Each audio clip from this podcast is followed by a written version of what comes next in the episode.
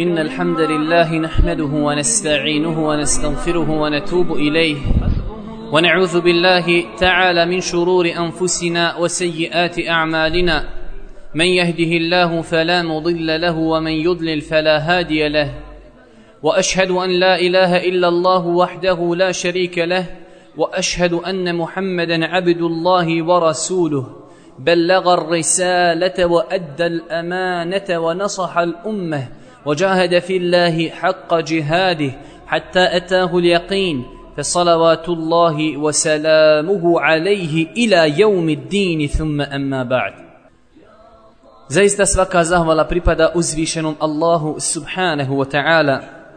Donosimo salavat i selam na posljednjeg Allahovog poslanika, miljenika Muhammeda sallallahu alihi wasallame, njegovu porodicu, časne ashave i sve one koji slijede na putu istine do sudnjega dana. Kao što ste čuli u najavi, cijenjena braćo, večeras ćemo govoriti o jednoj zasigurno aktuelnoj i atraktivnoj tematici. Da ne postoji drugi argument o aktuelnosti i atraktivnosti ove tematike osim veličina broja ljudi koji su prisutni ovom našem druženju, to bi bio dovoljan razlog da se govori na ovu temu, a mnogo je drugih faktora. Normalno treba naglasiti da smo mi prošle godine na ovu temu održali dva predavanja, ali zbog bitnosti ove tematike i njene potrebe u svakodnevnom životu ja sam odlučio da nakon jednog većeg perioda progovorimo nešto na ovu temu, iako je to znači dorađeno na ono prijašnje predavanje koje smo slušali prošle godine. Na samom početku treba kazati, braću moja draga, da vrijeme u kojem živimo zasigurno se odlikuje mnogim odlikama u odnosu na prijašnja vremena.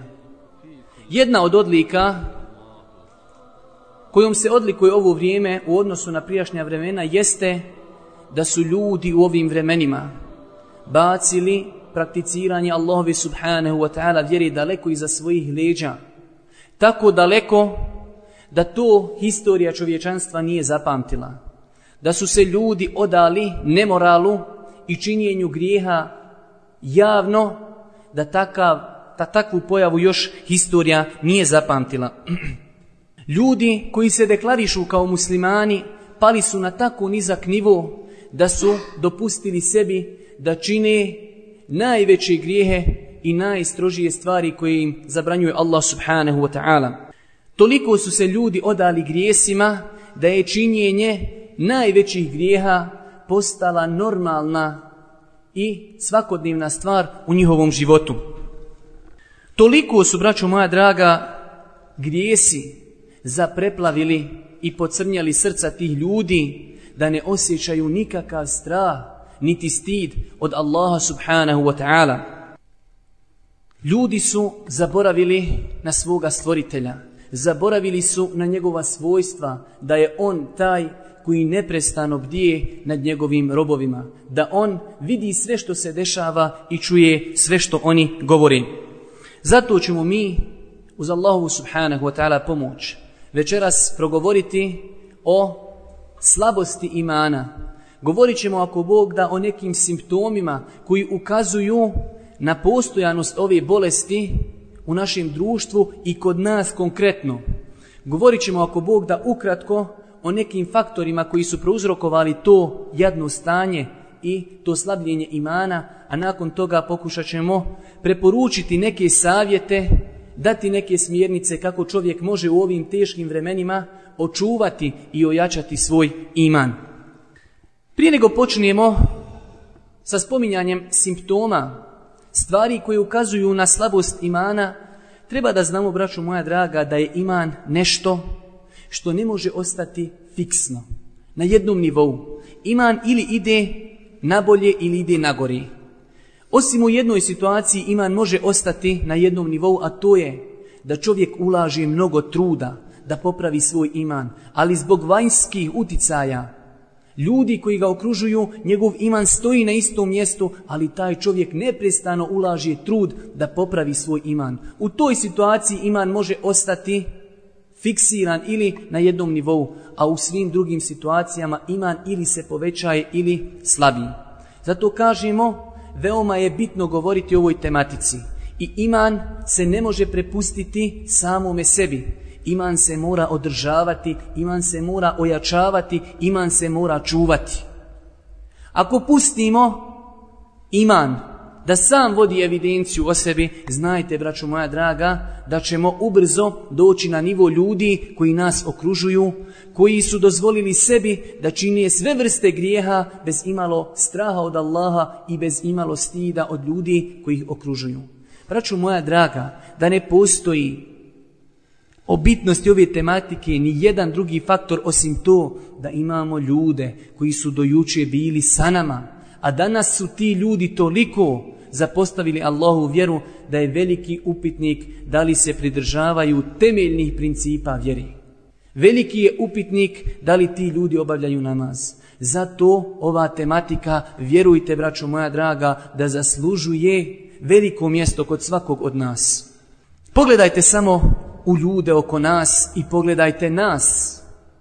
Nažalost, mi se dosta puta izdi, izdižimo i uzdižimo iznad ljudi koji nas okružuju, a vjerujte da se možda samo vanjštinom razlikujemo od njih.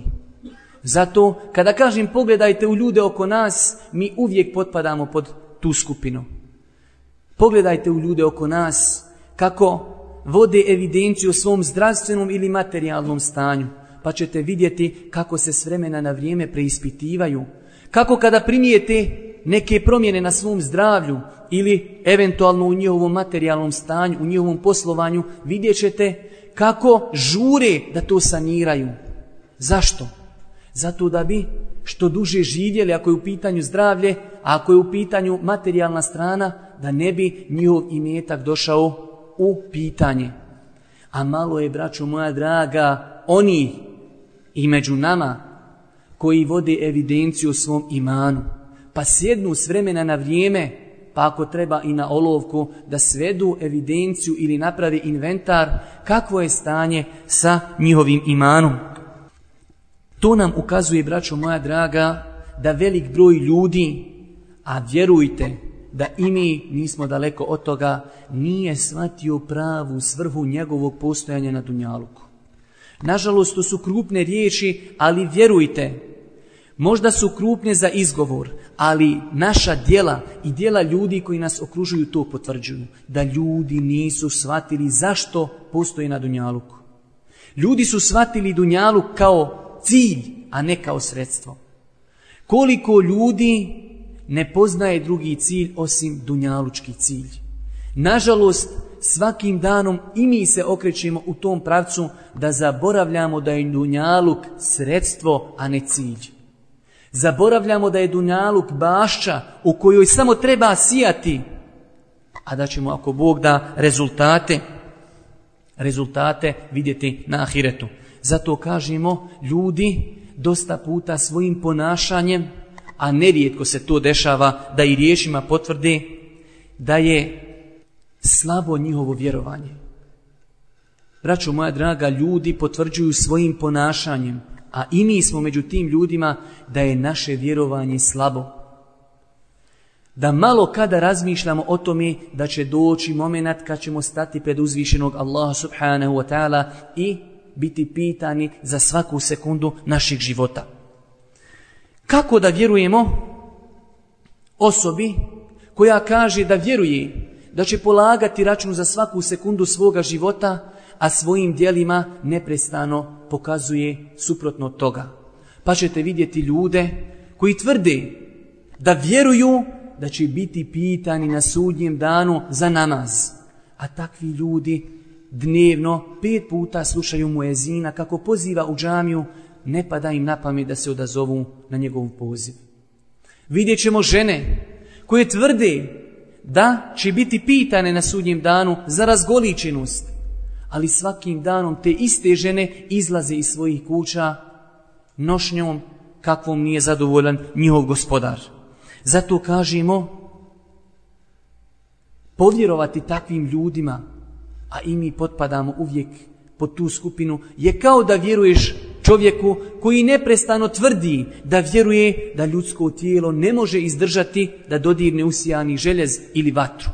A svaki momentom taj čovjek ide u vatru i želi da dodirne svojom rukom usijani željez. Tvrdi da vjeruje da tijelo ne može izdržati, a on to čini. Tako ti ljudi tvrde da vjeruju da će odgovarati, ali svojim dijelima pokazuju nešto drugo.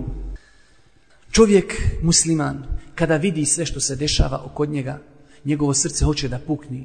Zaista, vraću moja draga, kada čovjek vidi ove naše ulice, njegovo srce hoće da pukni od bola i žalosti. Do kojeg nivoa je došao insan? Ali, nažalost, u velikom broju slučajeva čovjek ne može nešto mnogo da poduzmi. Nemoćan je da reaguje. Na svakom koraku ćemo, braću moja draga, vidjeti grijehe grijehe koji su preplavili naše društvo.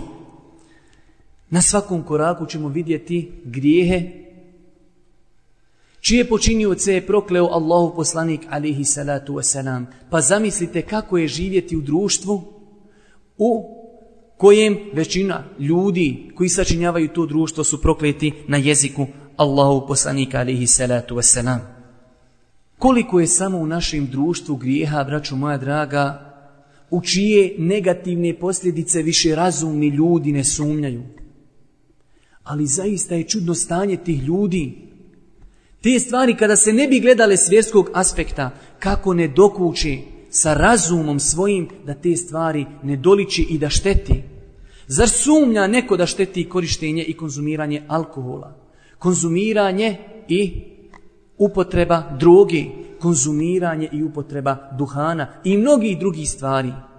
Zar sumnja razuman insan da kamata, prostitucija, mito, razgoličenost nosi sa sobom mnoge društvene štete po jedno društvo. Zato ćemo, braću moja draga, spomenuti u nastavku našeg druženja neke simptome koji ukazuju na slabost imana kod ljudi koji se deklarišu kao muslimani. I veoma je bitno da svako od nas te simptome gleda s tog aspekta da li ih posjedujemo pri sebi. Da se preispitamo za svaki simptom da li posjedujemo taj simptom pri sebi. Ako rezimiramo i zaključimo da imamo i te kako je veoma bitno da nastavimo pratiti ostali sljedeći dio predavanja kako bi ako Bog da saznali kako da se izliječimo i od tih simptoma. Pa prvi simptom po meni zasigurno dovoljan da samo njega spomenemo i jednoglasnim stavom bi mogli zaključiti da je slabost imana bolest koja je zasigurno okupirala velik broj ljudi koji se deklarišu kao muslimani, a opet kažem mi uvijek potpadamo u tu skupinu. Ljenost u obavljanju ibadeta i činjenju pokornosti. To je, braćo moja draga, jedan simptom koji ukazuje na slabost imana. Slabost imana se vidi kroz to da čovjek sa ljenošću obavlja ibadete ili je pokuran Allahu subhanahu wa ta'ala sa ljenošću. Pogledajte samo naše stanje kako smo nekada sa elanom obavljali određene ibadete, kako smo se trudili, kako smo imali želje za tim ibadetima, za pokornošću Allahu subhanahu wa ta'ala, dok pogledajte sada naše stanje, kako obavljamo određene ibadete sa poteškoćom, rutinski, ne osjećamo srž tog ibadeta. Na čelu, braćo moja draga, svih tih ibadeta zasigurno je obavljanje namaza a zaboravljamo svi da Allah subhanahu wa ta'ala kada opisuje munafike i njihov namaz, opisuje njihov namaz i njih da obavljaju namaz saljenošću. ljenošću. Zar neko od nas voli da ima pri sebi to svojstvo da namaz obavlja sa Kaže Allah subhanahu wa ta'ala وَإِذَا قَامُوا إِلَى kusala قَامُوا كُسَالَ يُرَاءُونَ النَّاسَ وَلَا يَذْكُرُونَ اللَّهَ illa qalila. Kada ustaju da molitvu obave, ko? Licemjeri. Lijeno se dižu i samo zato da bi se pokazali pred svijetom, a Allaha gotovo i da ne spomenu. Pogledajte ovaj opis, a Allaha gotovo i da ne spomenu. Koliko puta mi obavimo namaz, samo znamo da smo u početku rekli Allahu Ekber i na kraju nas probudi iz misli glas imama Esselamu alaikum wa rahmetullah. Baš eselamu alaikum. Prošao je te namaz, a da ne znaš u čemu te je prošao. Zato kaže Allah subhanahu wa ta'ala, a Allah skoro i da ne spominju. Takav je, braćo moja draga, naš namaz. Nažalost, naše stanje je tako žalosno i jadno da mi imamo poteškoću da obavljamo farze. A da onda ne govorimo kakvu poteškoću imamo u obavljanju onoga što nam nije obaveza. Također, od simptoma koji ukazuju na slabost imana jeste, braćo moja draga, grubost srca. Srca koja su nekada bila mekahna, lagana, pristupačna, koja su osjećala kuranske ajete, hadise Allahu poslanika, postala su gruba, osorna, do te mjeri, braću moja draga, da ne osjećamo ništa kada učimo Kur'an. Kada slušamo riječi Allahog poslanika, kada slušamo predavanja. Do te mjeri da čovjek sluša govor o vatri, o džennetu, o džehennemu, ništa. Njegovo srce kao kamen. Bojim se, braću moja draga, da je to put da naša srca tako otvrdnu, da postanu tvrda kao kamen. A takva srca su srca židova. Tako ih opisuje Allah subhanahu wa ta'ala u Kur'anu kada kaže ثُمَّ قَسَتْ قُلُوبُهُمْ مِنْ بَعْدِ ذَلِكَ فَهِيَ كَالْحِجَارَةُ كَالْحِجَارَةِ أَوْ أَشَدُّ قَسْوَةِ Kaže Allah subhanahu wa ta'ala kada govori o tim njihovim srcima a srca vaša su poslije toga postala tvrda kao kamen ili još tvrđa. Braću moja draga, to nije ništa drugo nego posljedica grijeha koji činimo svakodnevno. Grubost srca dolazi od neprestanog griješenja. To je ono o čemu govori Allah subhanahu wa ta'ala u suri El Mutaffifin, koju velik broj nas zna na pamet. Kella bel rana ala kulubihim ma kanu jeksibun. Ono što su radili prekrilo je srca njihova. Kaže Allah poslanik alaihi salatu wasalam, u komentaru ovog ajeta, kada rob učini neki grijeh, na njegovom srcu se formira crna mrlja. Ako se pokaje od učinjenog grijeha, srce se ponovo očisti, a ako nastavi činiti grijehe, mrlja se toliko proširi da prekrije njegovo srce. Pa kaže Allahu poslanik, to je koprena koju spominje Allah subhanahu wa ta'ala u riječima Kella bel rane ala kulubihim ma kanu jeksibun Ono što su radili prekrilo je srca njihova. Hadis je zabilježio imam tirmizi od Ebu Hurere sa Virodostojnim lancem prenosilaca. Toliko, braću moja draga, su naša srca crna. Toliko ih je otvrdlo činjenje grijeha da ljudi prolazi pored dženazi ne osjećaju ništa. Ljudi prolaze pored mezaristana kao da prolaze pored pijaci. Ljudi dolaze na dženazu, ne osjećaju ništa. Nikada sebi ne postavi pitanje da li ću ja nekada doći u ovu situaciju. Čovjek dolazi radnom kolegi da klanja dženazu, nije uzeo iz te smrti radnog kolege minimalnu pouku, pa da taj dan makar klanja jedan farsi već čeka pred džamijom dok ljudi izižu, pa se on priključi dženazi. Uopšte, braću moja draga, ne razmišljamo o onome što se oko nas dešava. Kao da smo kupili karte za džennet. Vjerujte da imam osjećaj da mi, baš konkretno mi, koji smo se malo uzdigli od ovog naroda, tako vidimo sebe kao da smo kupili karte za džennet bezbrižni, smješkamo se, prolazimo pokraj dženazi, nikada ne postavljamo sebi pitanje kako li je sada ovom čovjeku i šta sam ja pripremio za taj moment. Mi mislimo da ćemo vječno mi drugima ići na dženazu, da ćemo mi vječno prolaziti pokraj tuđih mezarluka. Zaboravljamo da ćemo jednog dana biti mi ti koji će nama drugi klanjati dženazu, da će ljudi sutra prolaziti pokraj Luka i mezaristana u kojima ćemo biti ukopani mi. To je, braću moja draga, stanje naših srca. Ako nije tako, slobodno kažite. A pogledajte kako Allah subhanahu wa ta'ala, nakon što smo citirali kako opisuje srca nevjernika, pogledajte kako opisuje srca vjernika. Pa zapitajmo sebe, ima li nas gdje? U suri El-Enfal, Kaže Allah subhanahu wa ta'ala Innama al-mu'minuna allazina idha zukira Allahu wajilat kulubuhum wa idha tuliyat alayhim ayatuhu zadatuhum imanan wa ala rabbihim yatawakkalun Pravi vjernici su samo oni čija se srca strahom ispuni kada se Allah spomeni a kada im se riječi njegove kazuju vjerovanje im se učvrsti i samo se na Allaha, gospodara, oslonjaju. Kada im se ajeti citiraju, njihova srca zatreperi i to im iman ojačava. Da li naš iman se ojačava, braćo moja draga, kada slušamo učenje Kur'ana? Mi živimo u čudnom vremenu, zaista čudnom vremenu. U vremenu kada, pod navodnim znacima, najodabraniji sljedbenici ummeta, ja smatram, Allah, da smo mi najodabraniji narod u ovom društvu, kada su došli na tako jedan nivu, da kada postavljaju pitanje, poslušajte kako postavljaju. Postavlja pitanje, je li to haram ili nije? Pa mu ti kažeš ne, to je pokuđeno. I kao da si mu dao zeleno svjetlo da se to može činiti. A ako si kazao to je sunnet, automatski si kazao da to treba ostaviti. Do te mjere smo mi otišli da te ljudi pitaju Zna on da je to zabranjeno, ali kaže je li to veliki ili je mali grijeh. Pa ako slučajno kažeš to je mali grijeh, to znači da si dao zeleno svjetlo da se to može činiti. Tako je, braću moja draga, žalosno naše stanje.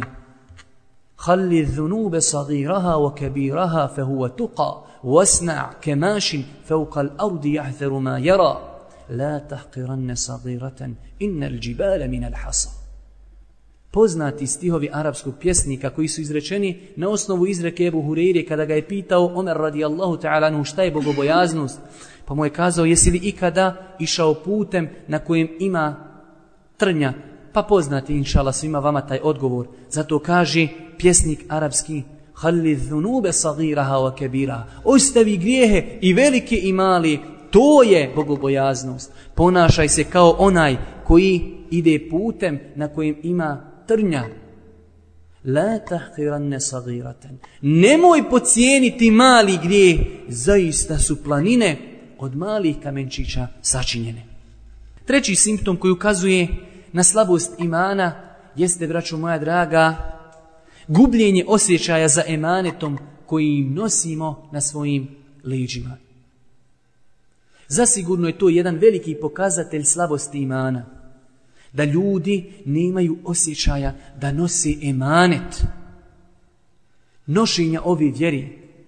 Pa ćemo vidjeti velik broj ljudi da ima pogrešno ubjeđenje, a to je da treba vjeru da širi efendija, profesor, doktor, magistar, daja, misionar. Oni su ti koji trebaju da se bačkaju sa tim stvarima, a mi smo čisti od toga. Normalno, Svako treba, braću moja draga, da zna svoje vrijednosti, ali svi moramo nositi emanet vjeri. Koliko stvari i koliko puta nam se dešava da smo u mogućnosti da popravimo nešto, ali mi ne reagujemo. Konkretno u našim kućama, gdje smo mi odgovorni za to stado u našim kućama, toliko je stvari koje su podležne promjenama i treba ih mijenjati, ali mi, braćo moja draga, sve te stvari tolerišimo. Zašto? Zato što smo zaboravili da smo i mi nosioci tog emaneta. Pogledajte samo jedan primjer, mi ga često spominjimo. Da bi samo vidjeli koliko insan ne ulaži za Allahu vjeru onoliko koliko bi mogao. Ne traži se od insana da ulaže više nego što može. La yukellifullahu nefsen illa vus'aha. Allah ne opterećuje nikoga osim u njegovim mogućnostima. Pogledajte samo kada slušamo o Golgotama i iskušenjima kroz koja prolazi naša braća muslimani diljem svijeta u Iraku, u Palestini, u Čečenji, Kašmiru i dalje. Mi se susjećamo s tim ljudima dok slušamo te vijesti, a kada završi slušanje tih vijesti zaboravljamo na njihovo stanje. Zaboravljamo da su ti isti ljudi do juči suosjećali se sa nama, slali materijalnu pomoć, svojim životima dolazili i branili Bosnu, u svojim dovama, u, svojim dovama koji su bile popraćene suzama, sjećali su se braće i muslimana u Bosni. A mi, braćo moja draga, prvo, ne upućujemo dovu Allahu subhanahu wa ta'ala za sebe, a drugo, zaboravili smo za našu braću muslimane. To je minimalno što im možemo pomoći da uputimo Allahu subhanahu wa ta'ala dovu. Jel ima neko da tvrdi da to ne možemo? Možemo. Ali se radi, braću moja draga, o slabosti našeg imana. Četvrti simptom ove bolesti jeste, braću moja draga, da čovjek počne prezirati dobre i čestite osobe, a počne da se druži sa nemoralnim osobama. Svi mi sjećamo se dobro momenata kada smo željno čekali da se sretnimo sa nekim bratom muslimanom, sa onim koji će nas savjetovati ako vidi da smo neki prekršaj počinili. Ali nažalost, u slabosti svog imana došli smo u takvu situaciju da one koji nas podstiču smatramo da su nazadni, konzervativni, da su strogi do te mjeri, braću moja draga, da ljudi kada sretnu brata muslimana na ulici okreću od njega glavu samo kako bi ga pustio da idi onim putem s kojim nije zadovoljan Allah subhanahu wa ta'ala. Ljude koje si do jučer volio, koje si do jučer cijenio, koje si poštovao, odjednom postaju otvoreni neprijatelji. bojkotuješi, prezireši, samo iz jednog razloga. Samo zato što su ostali čvrsti i dosljedni nosioci Allahove subhanahu wa ta'ala vjeri. Znajte, braću moja draga, takav vid ponašanja vodi insana u tom pravcu da traži društvo koje će mu šutjeti.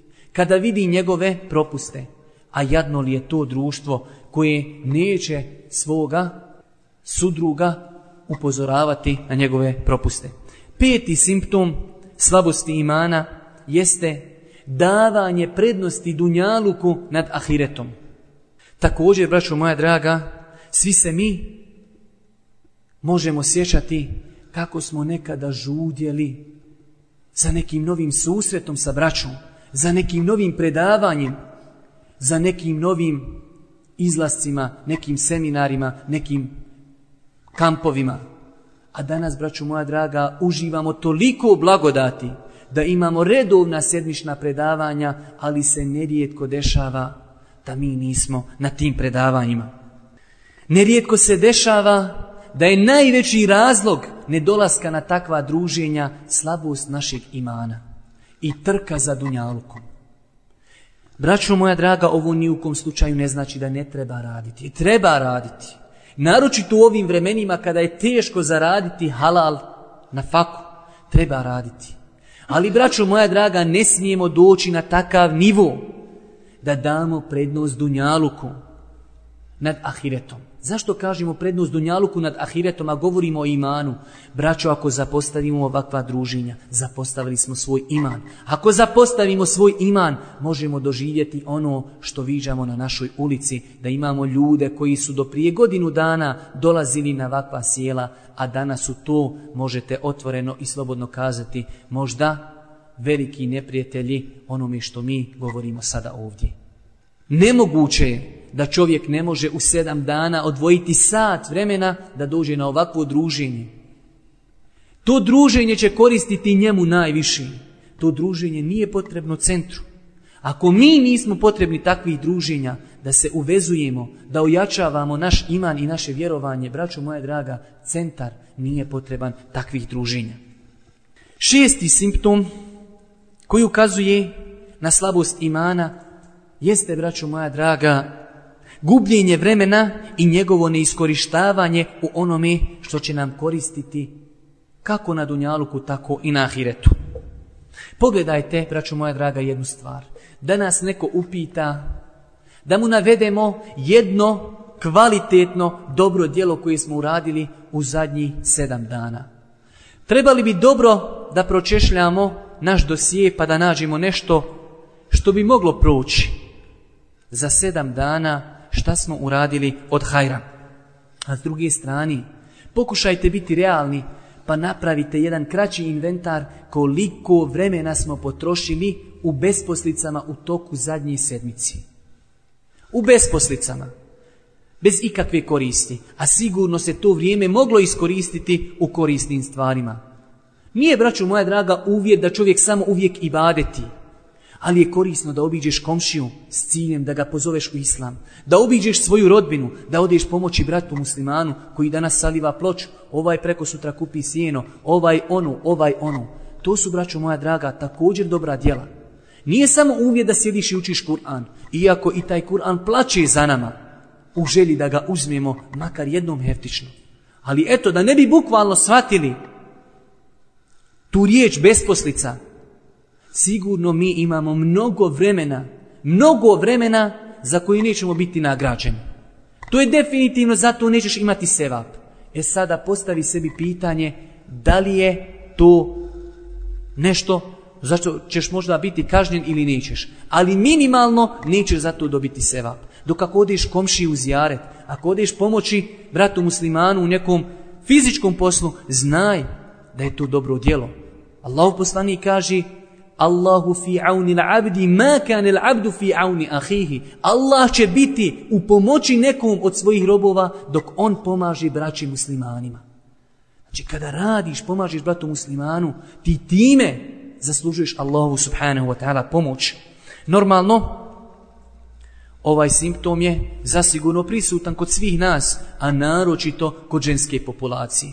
Normalno, mi imamo braći koja su pretekla žene u svemu tomi, ali generalno gledajući, žene su u ovom pogledu zasigurno premašile muškarce. Tako ćemo naći da žene mnogo vremena troši u besposlicama. Pa tako ćemo naći sve nas, i muškarce i sestre, da ne mogu zamisliti dan da ne pogledaju vijesti, neku političku emisiju, ako nešta gore od toga, kao što su serije, filmovi i dalje. Ali možemo, braću moja draga, zamisliti dan da nismo učili Kur'an. Možemo zamisliti dan ili zamisliti deset godina kako smo prešli iz sufari u Kur'an, a naš kirajet je i dalje na lošem nivou.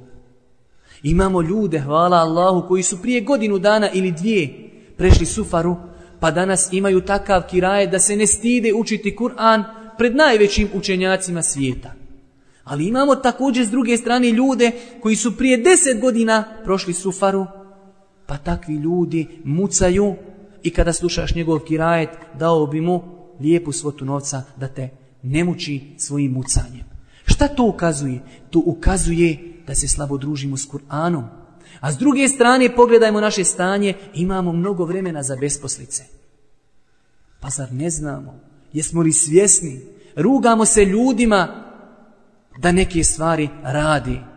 A mi, braću moja draga, radimo stvari, a znamo da to ne treba. Velik broj ljudi koji vidimo na ulici, vjerujte da te stvari radi iz neznanja. A mi ovo što radimo, radimo iz znanja i svjesno. Velika je razlika između nas i njih. Osmi simptom i zadnji koji ukazuje na slabost imana kod nas jeste odgađanje činjenja dobrih dijela i nada u dugačak život. Nerijetko se dešava da mi, braću moja draga, imamo lijepe namjere. Mi planiramo kako ćemo ako Bog da uraditi to i to. Želimo da uradimo tako i tako, ali nerijetko se to završava na željama i na planovima. Životni moto velik, velikog broja nas je sutra, inša Allah, vidjet ćemo. Samo da se odgađa. A pogledajte nas i naše stanje kada je u pitanju Dunjaluk i Ahiret. Mi kada radimo za Ahiret, radimo po onoj poslovici, sve što možeš uraditi danas, ostavi nek prenoći. Zasutra. Pa ćeš sutra opet kazati tako. A kada radimo za Dunjaluk, tada radimo po sistemu, sve što možeš uraditi danas, ne odgađaj za sutra. Sutra će doći nešto drugo. To zasigurno, braćo moja draga, ukazuje na slabost imana kod velikog broja ljudi koji se deklarišu kao muslimani.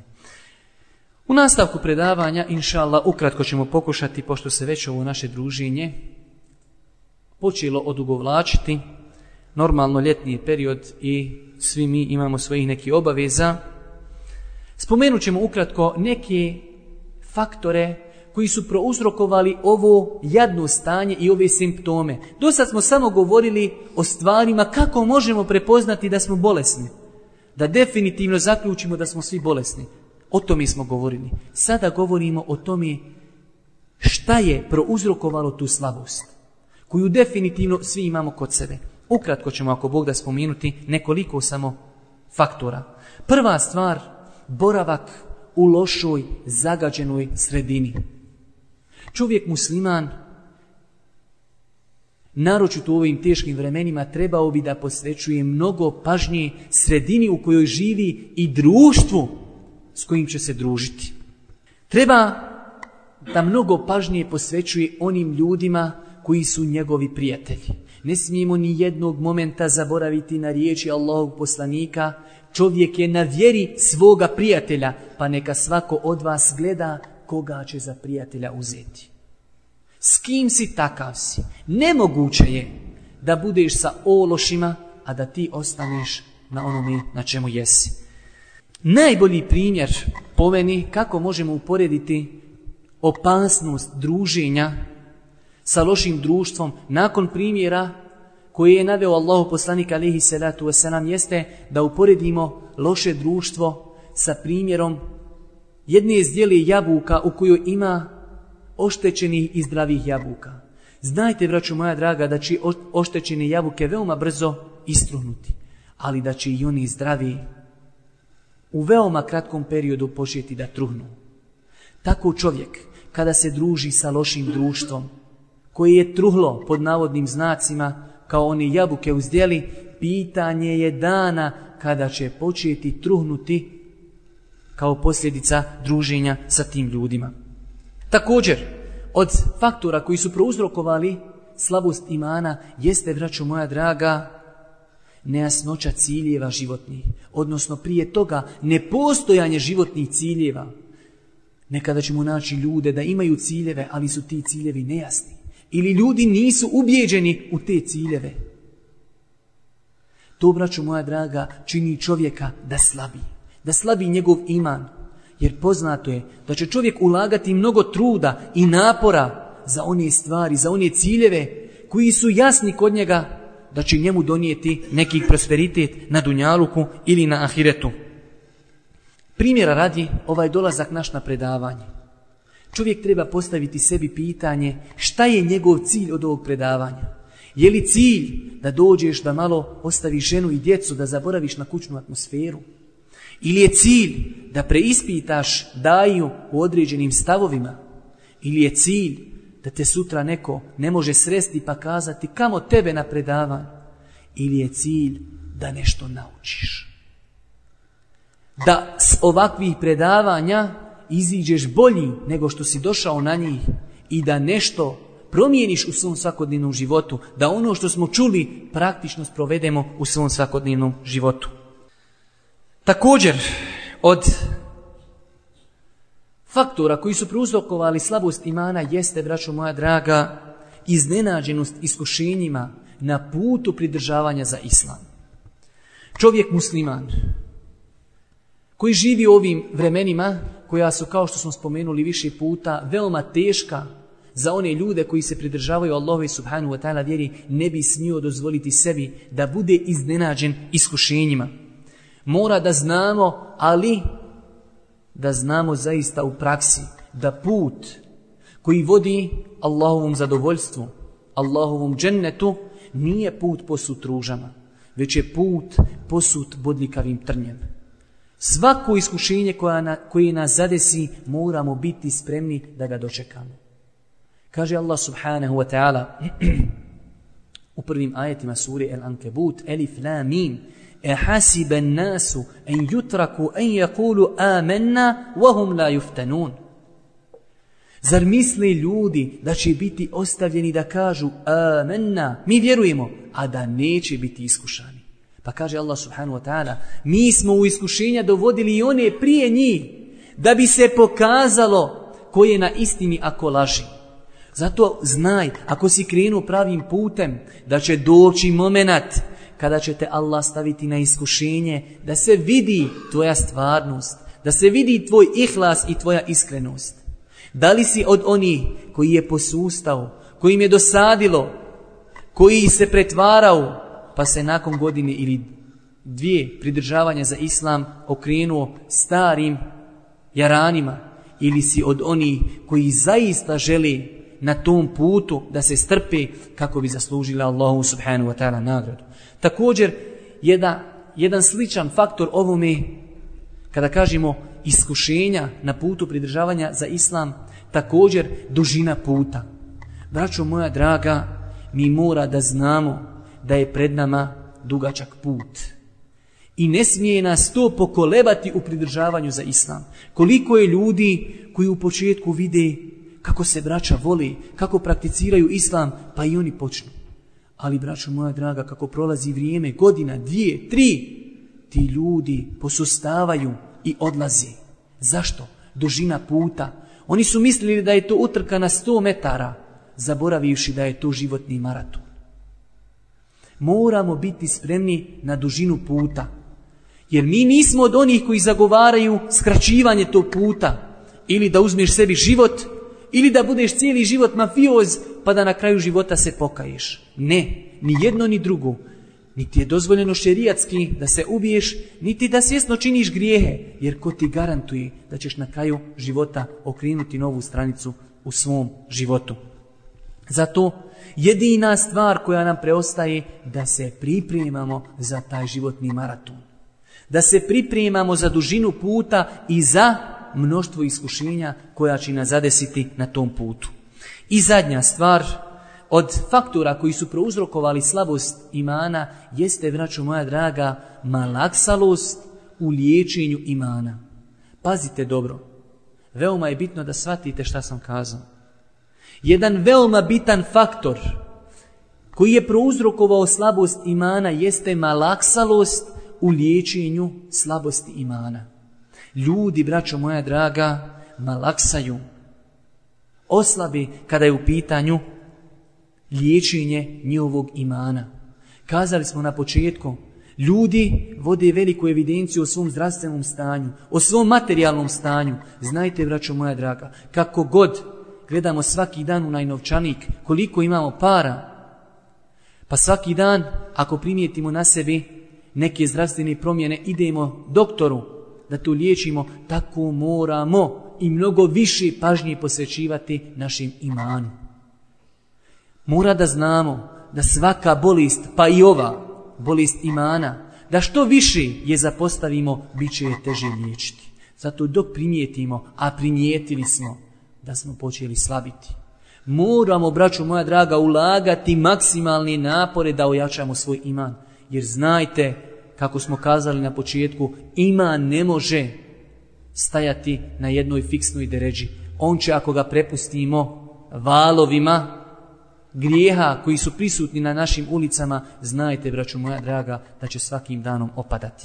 I na kraju, inša nećemo odugovlačiti, spomenut ćemo neke načine kako čovjek može da ojača i popravi svoj iman. Normalno, kao što se sjećate kada smo prvi put držali ovo predavanje, prije nego čovjek što počne liječiti sebe i svoj iman, mora da bude ubijeđen da je bolestan. I mora da bude ubijeđen u štetne posljedice tog oboljenja. Ako ne budemo ubijeđeni da smo bolesni i ne budemo ubijeđeni u štetne posljedice te bolesti, nećemo nikada početi sa liječenjem. Pogledajte čovjeka, kada ima neku malu bolest, ne ide doktoru. Zašto? zato što smatra da to ništa nije. Ali kada čovjek vidi da je to nešto krupno, veliko, žuri kako ne bi okasnio. Tako i mi, braćo moja draga.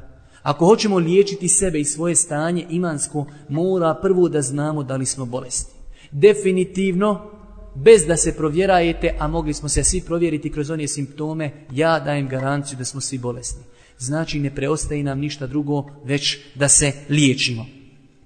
Prvi način jeste da pokušamo maksimalno izbjegavati sve one faktore koje smo spomenuli. Spomenuli smo pet faktora i čovjek koji želi da ojačava svoj iman, treba da maksimalno izbjegaje sve te faktore koji utiču na njegov iman. drugi način liječenja slabosti imana jeste, braćo moja draga, obnavljanje i jačanje imana činjenjem dobrih dijela. Mora da znamo, braću moja draga, da se iman ojačava, regenerira činjenjem dobrih dijela. I to znaju ko? Oni koji su to okusili. Sjetite se samo kako se čovjek lijepo osjeća kada dadni nekom je sadako. Kada nekom je nešto pomogni, osjeća da se njegov iman ojačao. Osjeća prostranost u svojim grudima, suprotno onome što čovjek osjeća kada čini grijehe. Kako čovjek kada čini grijehe, osjeća tjeskobu u grudima. Zašto? Zato što zna da ga vidi njegov gospodar. Osjeća kao da nekoga vara. S druge strane, kada činiš dobra djela, osjećaš da se tvoj iman povećava, da se ojačava.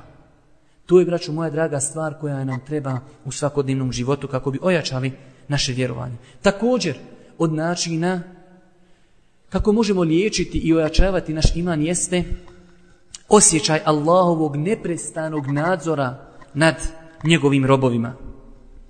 Pogledajte samo kako Allahu poslanik alaihi kada ga pita Džibril alaihi o imanu, o islamu, o ihsanu, kako je definisao el ihsan? En ta'abud Allahe ke enneke tarah, fe in lem tekun tarahu, fe innehu jarak. Da obožajiš Allaha kao da ga vidiš, jer ako ti njega ne vidiš, on tebe vidi. Zato kažemo, braću moja draga, razmišljanje o tom neprestanom Allahovom subhanahu wa ta'ala nadzoru nad insanom stvara kod čovjeka, odnosno jača čovjeku iman. Čovjek dolazi do tog stepena da je spreman da se pokori Allahu subhanahu wa ta'ala u svemu što traži od njega, da ostavi sve što je zabranio Allah subhanahu wa ta'ala. Zašto? Zato što čovjek ima neprestani osjećaj. Allahovi subhanahu wa ta'ala kontroli nad njegovim robovima. Zamislite samo, kada bi čovjek svakog momenta imao na umu da ga Allah subhanahu wa ta'ala neprestano vidi i da ga Allah subhanahu wa ta'ala neprestano čuje. Kako bi, braćo moja draga, naše stanje drugčije izgledalo? Također, od plodonosnih načina liječenja slabosti imana jeste, braćo moja draga, sticanje znanja, prisustvovanje aktivnostima edukativnog karaktera. Nerijetko se dešava da ljudi griješi zato što ne znaju. Ne znaju da je to greška ili ne znaju nešto drugo. Ne znaju veličinu onoga kome su nepokorni. Ljudi ne znaju veličinu onoga kome su nepokorni, zato i griješi. A znajte da nema drugog načina da saznaš propise i vjeri i da se upoznaš sa svojstvima Allah subhanahu wa ta'ala osim izučavanjem, druženjem sa ulemom, prisustvovanje aktivnostima edukativnog karaktera. Također, od načina ojačavanja imana, liječenja imana od slabosti jeste maksimalna iskorištenost vremena i samoobračun. Čovjek, braćo moja draga, ako želi da ojača svoj iman, treba da svoje vrijeme precizno, precizno popuni. Treba da bude svjestan da će, braću moja draga, za svaku sekundu svog života biti pitan. Treba da pokuša da svoje vrijeme popuni dijelima za koja očekuje se vape. Ne smijemo sebi dozvoliti da imamo mnogo dijela za koja ne znamo da li ćemo biti kažnjeni, ali smo definitivno ubjeđeni da nećemo biti nagraženi takva djela trebamo maksimalno izbjegavati i izbacivati iz naših životnog plana. Pogledajte nas. Mi smatramo velikim uspjehom i jeste u današnjem vremenu veliki uspjeh da čovjek dođe na ovakvo druženje jednom sedmično. Jednom sedmično da odvojiš sat, da dođeš na mjesto gdje se spominje Allah subhanahu wa ta'ala, gdje se kaže rekao je Allah, rekao je njegov poslanik jednom sedmično i mi to smatramo uspjehom. A koliko je vremena koji sedmično provedemo u besposlicama. Također, jedna veoma bitna stvar i time tu i tamo privodimo naše druženje kraju, jeste, braćo moja draga, jedan, jedan veoma pitan faktor, jedan veoma plodonosan način liječenja slabosti imana i jedan način jačanja imana. Čovjekovo vezivanje za džemat. Pogledajte samo hadise Allahu poslanika alaihi selam, pa ćemo vidjeti u mnogim hadisima da Allahu poslanik postiče muslimane na zajednicu. S druge strane strani upozorava na opasnost razjedinjenosti. Vuk jede ovcu koja se odvoji od stada. Tako, braću moja draga, kada ne bi bilo druge koristi od druženja, od zajednice, od džemata, osim to, kada čovjek doživi neku slabost. Kada počne da slabi njegov iman, da ima ljude koji će ga lijepim savjetom uzeti za ruku i neće dozvoliti da padne u duhovni ponor. Izvuče ga iz duhovne krize u koju je zapao. Čovjek također kada se vezuje za džemat, za skupinu. Osjeća, vraću moja draga, da nije sam. Osjeća snagu, osjeća jačinu. Gleda u druge ljude kako se trude, pa to njega motiviši. Pogledaš brata, svakim danom aktivan, nešto radi, pridonosi nešto korisno za islam, za džemat, za skupinu. To insana motiviši da se i on uključi u kolektivni rad. Također jedna veoma bitna stvar, ako primijetimo kod nekoga u skupini, u džematu, da je počeo slabiti, moramo, braću moja draga, pažljivo reagovati. Ne smijemo svojim ponašanjem da tu osobu odaljimo iz skupini. Nama se dešava nerijetko da greške ljudi koji su naša neka bliža raja, da preuveličavamo te greške. Normalno, braću moja draga, grešku treba osuditi, ali je ne treba preuveličavati. Mi nekada ljudima koji su naša bliska braća, kada urade neku stvar, toliko je preuveličavamo, a takve greške kod ljudi na ulici uopšte ne primjećujemo. Takve greške u našoj familiji, u rodbini ne primjećujemo. Treba grešku osuditi, ali je ne treba precenjivati i preuveličavati.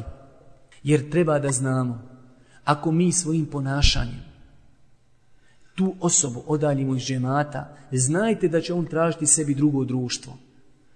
Znajte da će biti prepušten ulici, a znamo da ne može na ulici naučiti skoro ništa korisno.